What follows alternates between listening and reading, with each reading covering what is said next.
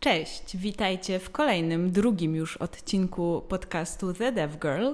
Ja jestem Agata i zapraszam Was do wysłuchania tego, co mam Wam dziś do powiedzenia. Na początek chciałabym podziękować wszystkim osobom, które odsłuchały pierwszego odcinka mojego podcastu. E, dziękuję za ciepłe przyjęcie i liczne komentarze. Mam nadzieję, że następne odcinki będą równie interesujące. Nagrywanie dzisiejszego odcinka jest okupione wielkim poświęceniem, wierzcie mi. Jest jakieś milion stopni. Ja musiałam wyłączyć wszystkie wiatraki, żeby nie było ich słychać na nagraniu, bo nie będę ukrywać, jest to chyba trzecie czy czwarte nagranie tego odcinka i zawsze było coś nie tak.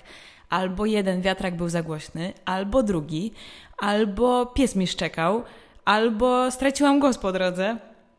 Także mam na nadzieję, że docenicie moje dzisiejsze poświęcenie, a temat Wam się spodoba yy, i spodoba Wam się też to, jak ja go ugryzłam. Zaczynajmy. W dzisiejszym odcinku chciałabym porozmawiać o czymś, o czym mówiłam już poprzednio, nakreślając yy, moją ścieżkę kariery poniekąd. Mianowicie chodzi mi o bootcampy i w ogóle ich renomę w świecie programistów. Zastanawiałam się, jak ugryźć ten temat. I w chwili, w której tak wszystko mi nie wychodziło, no bo ciągle coś było nie tak w tym nagraniu yy, i też nie mogłam złapać tego flow, a chciałam, żeby to wszystko było spójne. Odbyłam pewną rozmowę z moim przyjacielem, który swoją drogą również jest przyja- yy, programistą, przyjacielem, owszem. Pozdrawiam Cię, Marcin. Rozmowa ta zeszła na tematy zarówno powiązane z tym, o czym mówiłam w poprzednim odcinku, ale też trochę o tym, o czym planuję powiedzieć dzisiaj. Marcin po pierwsze słusznie zauważył, że teraz z każdej strony atakują nas reklamy, które krzyczą: idź na bootcamp, zostań programistą i zarabiaj tyle pieniędzy, że nie będziesz wiedział, co z nimi zrobić. Naprawdę. Gdzie nie wejdziecie, Facebook czy yy, reklamy na jakichś przypadkowych stronach. Ale powiedział coś jeszcze. Powiedział coś, co bardzo mocno mnie dotknęło, bo z jego, spod jego palców tak naprawdę, bo pisaliśmy ze sobą, e, wyszła taka myśl, e, która idealnie łączy poprzedni odcinek z dzisiejszym. Powiedział coś w zasadzie, że teraz każdy pyta o to, ile zarabia programista. Ale nikt nie pyta, jak ten programista się czuje. Brutalne, prawda? No bo przecież nie można narzekać pracując w takim zawodzie. I trochę faktycznie się z tym zgadzam, bo to jest naprawdę świetny zawód, jeżeli faktycznie się w nim odnajdujesz i jeżeli czujesz, że to coś dla ciebie. Ale pamiętajcie, że pieniądze to nie wszystko. Ja wiem, że to brzmi banalnie, ale zdrowie psychiczne jest równie ważne co fizyczne i nie warto o tym zapominać. No dobrze, to była taka niepopularna opinia, o których y, mówiłam, że będą pojawiać się w tym podcaście. Ale wróćmy do tematu przewodniego tego odcinka. Przed rozpoczęciem mojej zawodowej ścieżki jako programistka, tak jak już Wam wcześniej wspominałam, najpierw chciałam uczyć się programowania sama i od tego zaczęłam. W międzyczasie miałam na studiach zajęcia z C, które nie dały mi tyle, ile bym chciała, bo obejmowały mniej więcej tyle samo, ile mogłabym znaleźć w internecie. A ja przecież byłam żonna tajemnej wiedzy zaawansowanego programowania.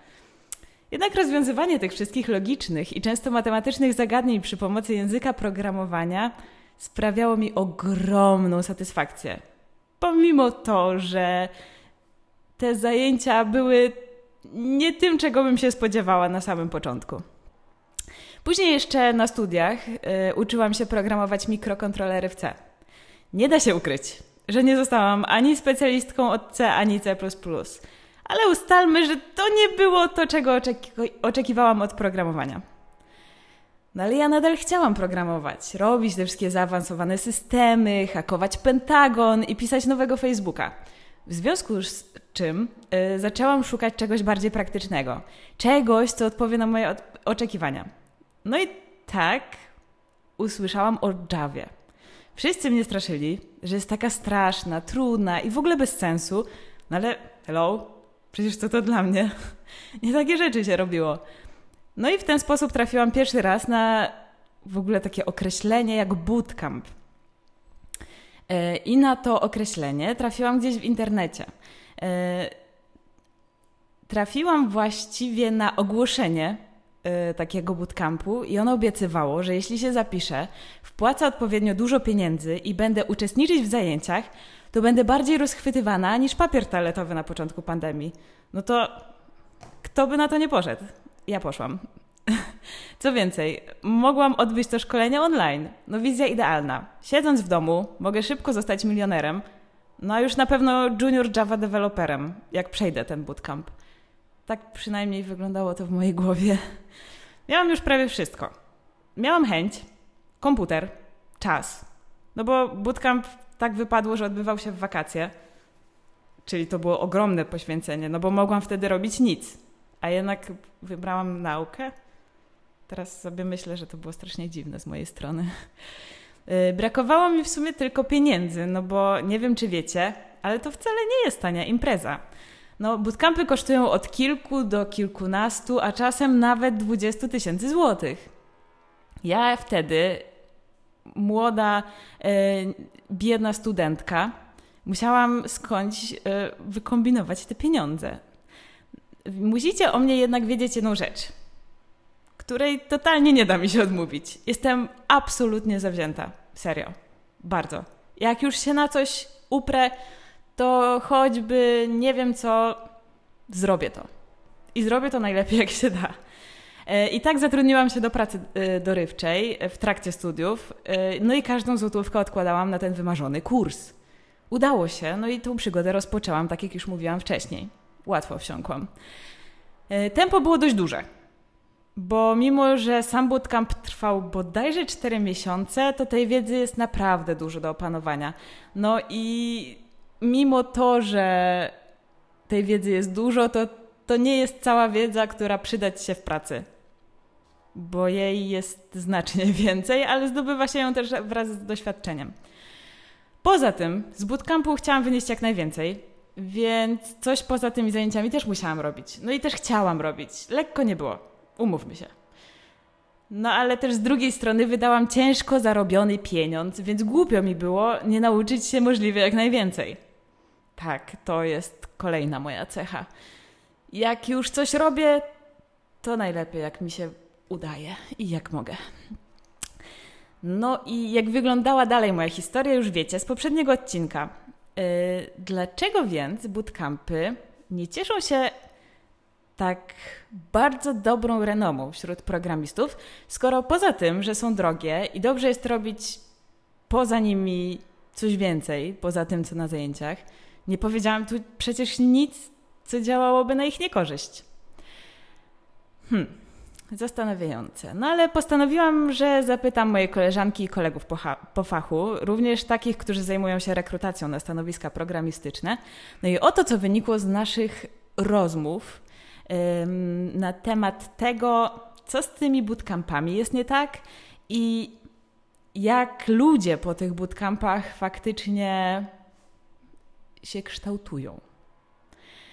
E, po pierwsze, to, co nam się wydaje, to to, że ludzi zwabiają te wszechobecne reklamy, o których wspominałam na samym początku i obietnice z nich płynące. No bo halo, przecież i mnie to zwabiło. Jakby kto nie chciałby być tak rozchwytywany, bogaty i mieć tak stabilnej pracy? No właśnie, wizja stabilnej pracy i dużych zarobków wydaje mi się, że jest tym e, drugim aspektem. No bo w końcu jedynym ryzykiem dla programistów jest odcięcie internetu, a póki co jeszcze nie było takich gruźb. No dobra, były. W niektórych krajach to w zasadzie się dzieje, ale mówimy o tej uprzywilejowanej części świata, w której my żyjemy. E, kolejnym aspektem wydaje mi się, że są te benefity, chillout roomy, eventy i cała ta otoczka startupowej atmosfery, która płynie w stereotypie, za stereotypem e, tego zawodu. No właśnie, tylko często nie widać tej drugiej strony medalu, bo o ile faktycznie te wszystkie rzeczy i wiele innych mogą, ale nie muszą być związane z tym zawodem, to musisz być pewien, pewna, że to zajęcie jest dla ciebie. Zastanawiasz się pewnie, skąd to wiedzieć, jeśli nic nie wiem o programowaniu? Spokojnie, już śpieszę z odpowiedzią. Bo jeżeli, jeżeli myślisz o zmianie zawodu albo w ogóle o podjęciu pracy programisty, to przemyśl chociaż to, co wymienię tutaj. Po pierwsze, czy odpowiada ci praca siedząca? Banalne, ale warte rozważenia. No bo weźmy moje początki. Kiedy zaczynałam pracować, a, za, a co za tym idzie siedzieć, to 8 godzin yy, w ciągu dnia, to moje łydki puchły jak szalone, serio. Jakby ktoś mi je napompował, dramat. Okej, okay, po drodze robi się przerwy na kawę, herbatę, wodę czy inny lunch, ale to nadal plus minus 6-7 godzin z dubskiem na krześle. Szczególnie teraz, pracując z domu, no bo te odległości pomiędzy pomieszczeniami są znacznie mniejsze. Po drugie, zastanów się, czy lubisz rozwiązywać czyjeś problemy. Serio, w sensie trochę tak widzę pracę programisty. Oczywiście nie stajemy się nagle psychoterapeutami. To zgoła inne problemy. No, no bo na przykład przychodzi klient, zamawia u nas rozwiązanie konkretnego problemu, a my musimy go zamienić w równie konkretny feature. Zapewne po kilku rundach dyskusji i negocjacji, no bo w końcu niemożliwe rzeczy robimy od ręki, ale na cuda trzeba poczekać. E, no i po drodze spotykają nas kolejne niezliczone problemy. Do tego przyjdzie drugi klient z innym zapotrzebowaniem, zacznie nam się palić produkcja i trzeba będzie rozwiązać jeszcze kilka problemów, które potocznie zwane są bagami. Tak, brzmi słodko, ale wcale słodkie nie jest. No i dalej. Czy masz analityczny umysł? Bo programowanie wymaga trochę innego podejścia do zagadnienia. Musisz być w stanie rozłożyć problem na części pierwsze, obejrzeć te części z każdej strony i zastanowić się nad możliwymi rozwiązaniami, no ale też problemami, jakie mogą się z nimi wiązać. Trzeba się zastanowić, jak podzielić takie zadanie, żeby sprawnie je dostarczyć. W zasadzie każdy dzień to też analizowanie tego, co może pójść nie tak i jak zawczasu temu zapobiec. Także bywa wesoło. Kolejna rzecz. Czy łatwo zrażasz się do porażek, jakichś niepowodzeń, wielu krzy y, krzyczących komunikatów i w ogóle krytyki, jaką może uzyskać Twój kod, bo to Twój kod jest krytykowany, a nie Ty procesie code review? No właśnie, czy potrafisz się odkleić od y, krytyki dotyczącej Twojego dzieła? Mm, no i jeśli łatwo się zrażasz, to niestety, to chleb powszedni programistów.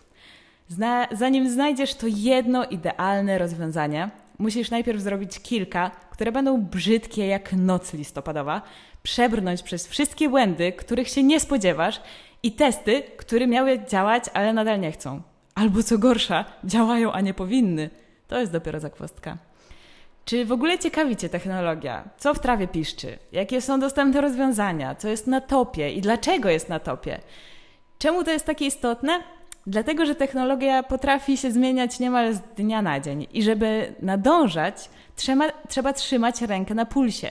A jeśli Cię to nie interesuje, to nie będzie Ci się chciało tej ręki na tym pulsie trzymać. Wiem, bo jeżeli ja miałabym śledzić na przykład notowania firm na giełdzie, to drugiego dnia już bym sobie dała spokój. No i ostatnie, co mi przychodzi do głowy.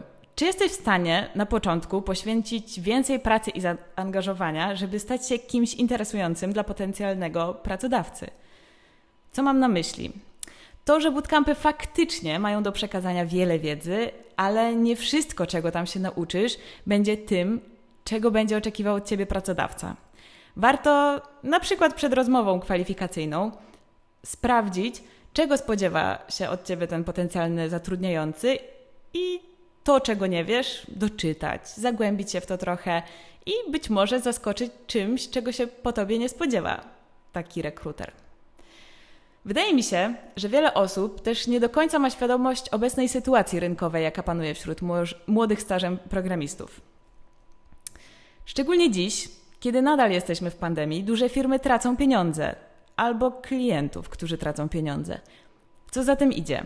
rzadziej mogą sobie pozwolić na inwestowanie w świeżaków na rynku pracy, szczególnie te mniejsze firmy, e, ale, ale nie tylko.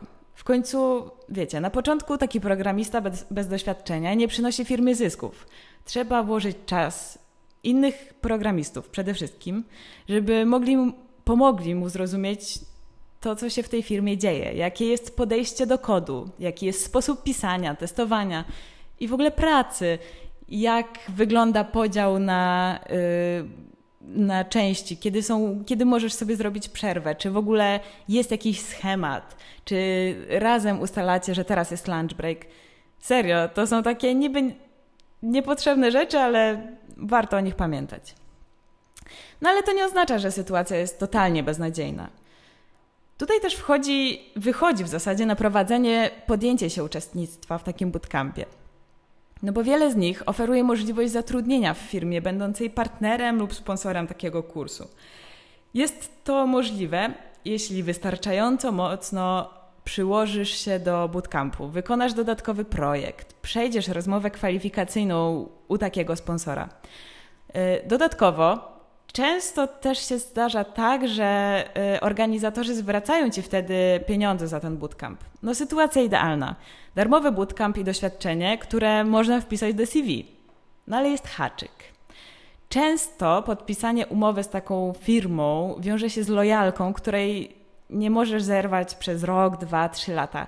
To znaczy możesz, ale to się wiąże z ogromnymi karami bo musisz zwrócić tej firmie za bootcamp, no i pieniądze, które w ciebie zainwestowała. A to oznacza dobre kilkadziesiąt tysięcy złotych. Znowu dużo. Brzmi strasznie i czasem faktycznie może takie być, bo możesz trafić na firmę, w której się totalnie nie odnajdziesz, albo projekt, który nie jest totalnie w zgodzie z tobą i wtedy klapa. No przypomnę tylko, że ja zmieniałam pracę cztery razy, zanim trafiłam do tej jednej, jedynej. Ale to nie jest coś, co zdarza się zawsze. Możesz trafić naprawdę super i dzięki temu mieć bardzo stabilne zatrudnienie z dobrym wynagrodzeniem i świetne doświadczenie, które możesz wpisać do CV. To nie jest darmowa praca, pamiętajcie. No i na koniec yy, chciałabym zauważyć, że te bootcampy w mojej ocenie nie są złem ostatecznym tego świata, jak czasami się je postrzega bo to jest świetna pigułka praktycznej wiedzy, obeznania się ze współcześnie wykorzystywanymi narzędziami. Oczywiście nie zawsze, bo są bootcampy, które bazują na starych danych i wtedy to jest trochę pułapka, droga pułapka.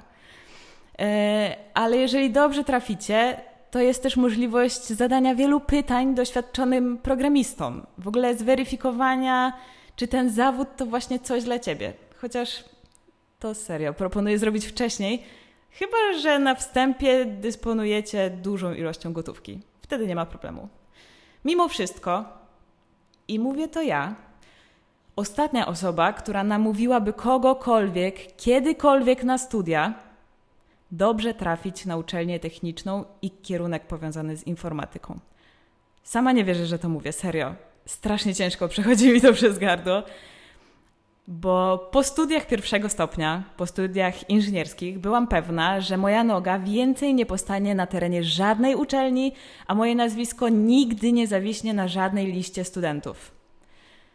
Oj, głupia ja. W branży faktycznie y, panuje taka opinia, że studia są niepotrzebne. Wszystkiego możesz nauczyć się w pracy i po pracy. I w pracy po pracy i ogólnie to nie musisz za dużo spać, wystarczy kawa, dużo programowania i jeszcze więcej chęci. Poniekąd to prawda, ale ja na przykład i szczerze powiedziawszy myślę, że wiele osób poza mną również nie zakładałam, że do pracy programistki będę musiała wiedzieć coś spoza dziedziny programowania. Error, po co? Przecież od tego są ludzie, a nie ja. Ja mam pisać piękny, optymalny kod. Swoją drogą, ciekawe skąd miałam wiedzieć, jaki to kod, bo na pewno nie z bootcampu ani ze studiów. Hmm, naiwna byłam. Za namową mojej mamy, tak, pozdrawiam cię, mamuś, poszłam na magisterkę, na informatykę. Dużo wolnego czasu poświęciłam, żeby skończyć zaoczne studia, pracując jednocześnie na etacie, pełnym etacie. Pieniędzy jeszcze więcej, bo nie dość, że studia są zaoczne, były, to jeszcze na prywatnej uczelni. Czy żałuję? Mm, nie aż tak bardzo, jak w ich trakcie. Po pierwsze, dzięki nim poznałam wiele wartościowych ludzi, w zasadzie dwójkę. Magda i Marcin, pozdrowienia. E, dzięki nim, dzięki tym studiom, otarłam się chcąc nie chcąc o takie zagadnienia jak chociażby architektura komputerów, czy komunikacja sieciowa, albo hakowanie komputera. Zajawka totalna. Dała mi to wiele pewności w działaniach. Zrozumiałam, o czym gadają moi koledzy z pracy, no i przede wszystkim zrozumiałam, co robię i dlaczego to tak robię w pracy. Podsumowując, bootcampy są dobrym rozwiązaniem, ale trzeba pamiętać, że samo uczestnictwo to nie wszystko. Nie nauczysz się tam pisać dobrych testów, przynajmniej ja się nie nauczyłam, mówię z własnego doświadczenia. Nie dowiesz się o różnych architekturach systemów, o modelowaniu czy pisaniu czytelnego i optymalnego kodu. Może teraz to się zmieniło, ale kiedy ja robiłam taki bootcamp, nie było na to po prostu czasu i to też jest zrozumiałe. To wszystko to wiedza, którą musisz zdobyć samodzielnie. Ja nadal mam zagadnienia, których wiem za mało, albo chciałabym wie wiedzieć więcej i lepiej je rozumieć, ale to zawód, w którym uczysz się codziennie i przez całe życie. I ja to już chyba zaakceptowałam. Bootcamp to świetne uzupełnienie pasji, jaką może być, nie wiem, technologia, programowanie, czy w ogóle inne takie nowinki. Jest też świetnym, praktycznym dodatkiem do studiów. Chyba, że te uczelniane zagadnienia nie są dla ciebie niczym nowym. Wtedy faktycznie te studia mogą ci się nie przydać. Jednak pamiętajcie, że samo wpłacenie dużych pieniędzy i uczestnictwo w bootcampie nie zapewni sukcesu, a oferty będą się sypać jak z rękawa tylko, jeśli macie coś więcej do zaoferowania. Brutalne, ale prawdziwe. Jeśli jednak czujesz, że to nie do końca coś, co cię kręci, albo po prostu chcesz lepiej zarobić, zmienić warunki obecnej pracy, albo robić coś, co bardziej cię zaciekawi, a z technologią ci nie do końca po drodze, to może lepiej zainwestować tę dużą sumę w coś innego? Coś, co lepiej do ciebie pasuje i zdecydowanie bardziej ci odpowiada? Przemyśl to. Z tą myślą Was zostawiam. Dziękuję za wysłuchanie dzisiejszego odcinka. Jeśli Wam się spodobał, to zachęcam do przesłania go dalej. Może ktoś z Waszych znajomych lub bliskich stoi teraz pod, pod, przed podobną decyzją i ten odcinek trochę ułatwi sprawę. Poza tym zachęcam do wystawiania ocen podcastowi w aplikacjach takich jak Apple Podcast czy Google Podcast, a także do kontaktu ze mną za pośrednictwem mojego Instagrama Agata opis, w opisie tego odcinka y, zamieszczę link do mojego Instagrama, bo może macie jakieś tematy, które chcielibyście usłyszeć właśnie w tym podcaście, a może chcielibyście podzielić się jakąś swoją historią. Zachęcam. Y, dziękuję Wam y, za poświęcony czas jeszcze raz i informuję, nie zemdlałam ani razu w trakcie nagrywania tego odcinka w 40 stopniach. Uważam to za swój osobisty sukces. Mam nadzieję, że to docenicie. Oczywiście żartuję. Do usłyszenia w następnym odcinku.